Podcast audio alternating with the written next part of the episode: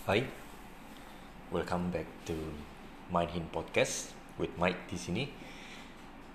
Uh, tidak terasa sudah di episode keempat. Di episode keempat ini, uh, Mike mau sharing tentang the biggest search engine. Nah, kita tahu sendiri kalau tentang search engine itu sekarang lagi sering banget kita gunakan. Tidak hanya ketika kita mau mencari sesuatu, kita selalu pakai yang namanya search engine entah itu Google, Yahoo uh, dan sebagainya. Saya ingat sekali waktu saya di usia masih masa sekolah SD itu kalau kita mau mencari sesuatu uh, kita tidak carinya di internet waktu itu. Kita mau belajar sesuatu adalah khususnya saya ya waktu itu saya mau belajar sesuatu adalah dengan uh, mencari buku pintar waktu itu. Jadi untuk menambah pengetahuan yang saya lakukan adalah membaca buku pintar.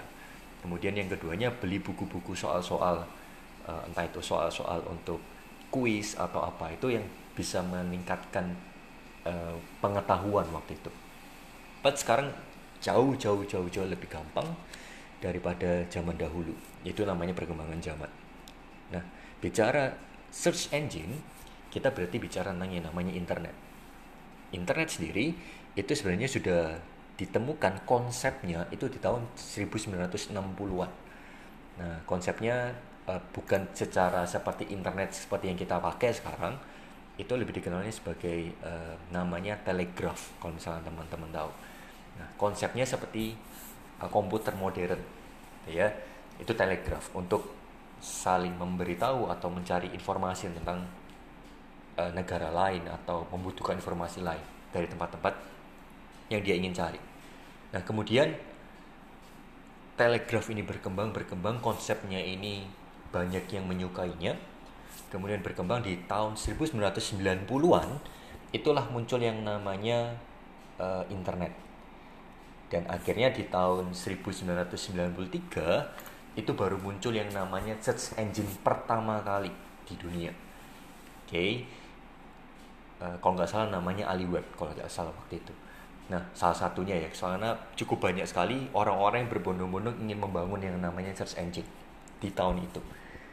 Dan konon katanya tahun 90 ke atas ini gara-gara internet dan gara-gara search engine ini itulah cikal bakal di mana uh, zaman industrialis itu sudah mulai runtuh berubah menjadi yang namanya zaman uh, informasi akhirnya benar di tahun 2000-an uh, muncul yang namanya zaman informasi industrialis runtuh kalau orang bilang nah 93 kemudian kita tahu sendiri tahun 95 Yahoo keluar sebagai sebuah search engine yang paling terkenal waktu itu oke okay.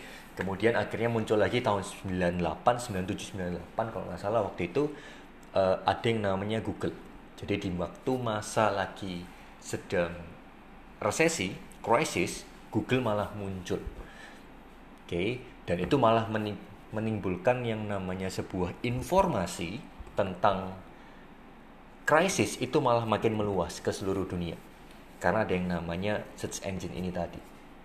Oke, kita tahu sendiri kalau ya ada yang namanya krisis itu pasti akan ada yang mengalami penurunan dan juga akan ada yang mengalami uh, kenaikan atau bahkan signifikan. Seperti zamannya sekarang, uh, ketika saya buat ini podcast ini, kita sedang masuk di early crisis yaitu di COVID-19 yang bentar lagi kalau ini tidak dicegah dengan baik itu malah mengganggu uh, perekonomian atau perputaran roda bisnis di dunia.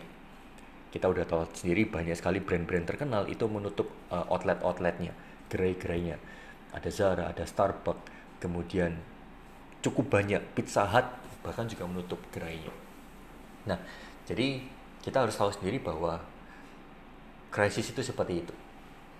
But yang ingin saya mau sharingkan di podcast hari ini, di My Podcast hari ini adalah bukan tentang krisisnya, bukan tentang internetnya, bukan tentang Google, juga bukan tentang yang namanya sejarah Yahoo dan hingga dia hancur lebur seperti sekarang. Bukan itu yang ingin saya bahas. Tapi sadar atau tidak bahwa ada satu search engine yang dari zaman dahulu Hingga sekarang, search engine ini masih sering kita gunakan. Namun, mulai jarang kita pakai. karena sudah tergantikan oleh search engine yang ada di uh, komputer salah satunya Google. Nah, search engine ini adalah search engine yang paling besar di dunia. Gara-gara search engine ini justru malah memunculkan yang namanya Yahoo. Justru karena ada yang namanya search engine ini muncul yang namanya Google. Muncul yang namanya perkembangan dunia gara-gara search engine ini. Nah, search engine ini adalah bernama otak. Jadi sadar tidak sadar bahwa search engine ini adalah semakin ke modernisasi yang kita dapatkan, search engine malah semakin jarang untuk digunakan. Kita semakin terlena dengan uh, teknologi. Kita semakin terlena dengan kenyamanan yang didapatkan dari yang namanya sebuah teknologi. Setuju betul? Saya bisa bilang bahwa otak kita didesain bukan untuk uh, mengingat, tapi otak kita didesain untuk meng mengevaluasi atau uh, seperti mempelajari sesuatu. Itu tugas dari otaknya kita, bukan untuk mengingat-ingat. Jadi dia bertugas untuk mencari sesuatu, dia bertugasnya untuk uh, mengidentifikasi, sesuatu, kemudian uh, ya sebagai search engine pada umumnya kalau kita tahu Google itulah tugasnya yang namanya otak nah masalahnya adalah banyak orang yang menggunakan search engine atau otak ini itu bisa menghasilkan jawaban yang berbeda-beda atau mendapatkan informasi yang berbeda-beda. Kita tahu sendiri kalau Google itu mendapatkan informasinya adalah dari orang yang menaruhkan informasi tersebut atau berita tersebut atau knowledge tersebut itu di internetnya mereka. Even di websitenya mereka mungkin di even di media sosialnya mereka. Nah Google mencarinya sampai sedetail itu. Begitu pula dengan otak kita. Dia akan mencari sesuatu informasi itu sampai ke dalam bawah sadarnya kita. Dari mana dari semua hal yang sudah kita pelajari selama hidupnya kita jadi kalau misalkan teman-teman uh, sudah hidup sekian puluh tahun, berarti itu yang akan dicari. Data itulah yang akan dicari sama otaknya kita. Ketika kita bertanya sesuatu pada diri kita, otak ini akan langsung mencari sesuatu. Ketika orang lain berbicara, otak ini akan mencari sesuatu atau searching di bawah sadarnya kita. Contoh paling gampang. Ketika saya ngomong tentang yang namanya Paris, atau kalau nggak saya saya nggak ngomong Paris ya Jakarta misalnya atau menara uh, monumen Monas misalkan. Ketika kita ngomong tentang ada orang ngomong tentang yang namanya monumen Monas atau kita mendengar tentang yang namanya monumen Monas di pikiran kita itu bukan tertulis tentang tulisan M O N uh, A S. No bukan tulisan Monas tapi kita langsung muncul di visualisasi kita adalah bentuk tugu Monas itu seperti apa Kenapa kok kita bisa tahu tentang yang Tugu Monas? Karena kita tidak kita sudah mendapatkan informasinya. Kita sudah mungkin kadang uh, kita sudah melihat informasinya atau melihat visualnya secara langsung. Oke. Okay?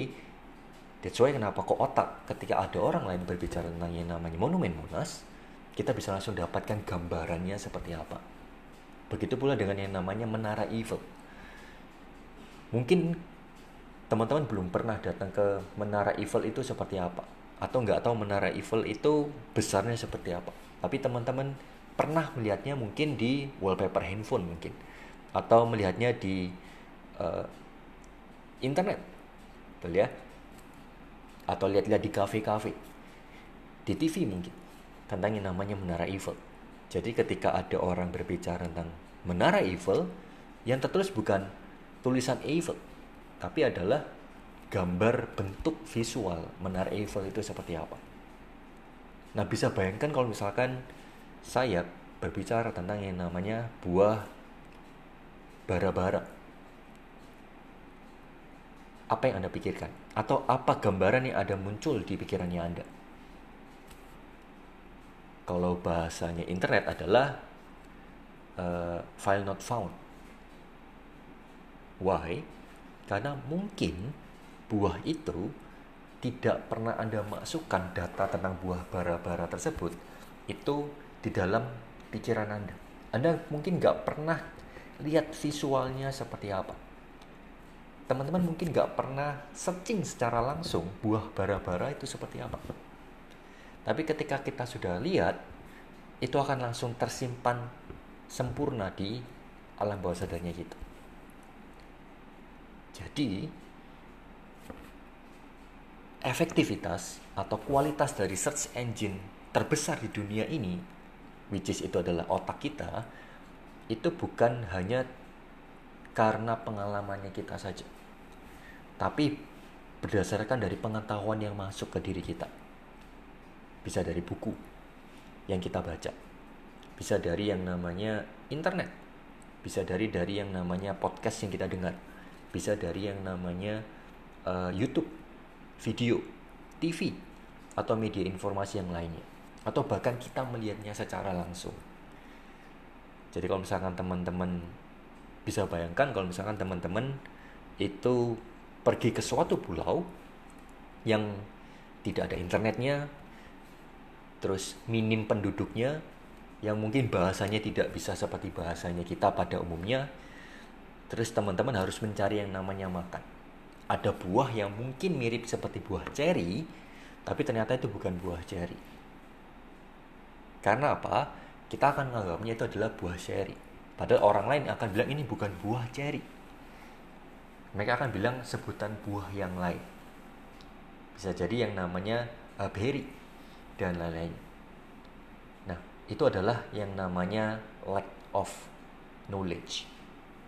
Jadi ketika kita tidak menaruh pengetahuan ke dalam pikirannya kita, atau kadang-kadang banyak orang bertanya misalkan ke saya misalkan, eh, Pak Mike, kenapa sih kok suka yang namanya baca buku? Kenapa sih kok suka dengarkan yang namanya podcast? Terus uh, nonton video-video YouTube yang uh, membangun terus kemudian uh, ikut-ikut seminar, workshop dan lain-lainnya. Jawabannya cuma satu. Bukan untuk gaya-gayaan, bukan untuk gimana-gimana, tujuannya adalah untuk memperkaya alam bawah sadarnya kita. Karena kalau misalkan alam bawah sadarnya kita bagus, ketika kita mau bertanya atau kita mendapatkan sebuah masalah apa pun, kita bisa mendapatkan sebuah uh, jawaban di sana entah jawabannya karena kita sudah membaca cerita di sebuah buku mungkin atau karena ada di YouTube ada orang sharing-sharing tentang kisah hidupnya yang ternyata mengalami mirip dengan masalah yang kita hadapi kita sudah tahu jawabannya seperti apa. Jadi hati-hati dengan menggunakan your search engine. Sampai jumpa di mainin podcast berikutnya. Teman-teman tadi sudah kita belajar tentang the biggest search engine in the world. Jadi saran saya adalah benar-benar hati-hati gunakan search engine ini. Benar-benar masukkan yang positif. Oke, okay, see you di mainin podcast berikutnya. Salam gila.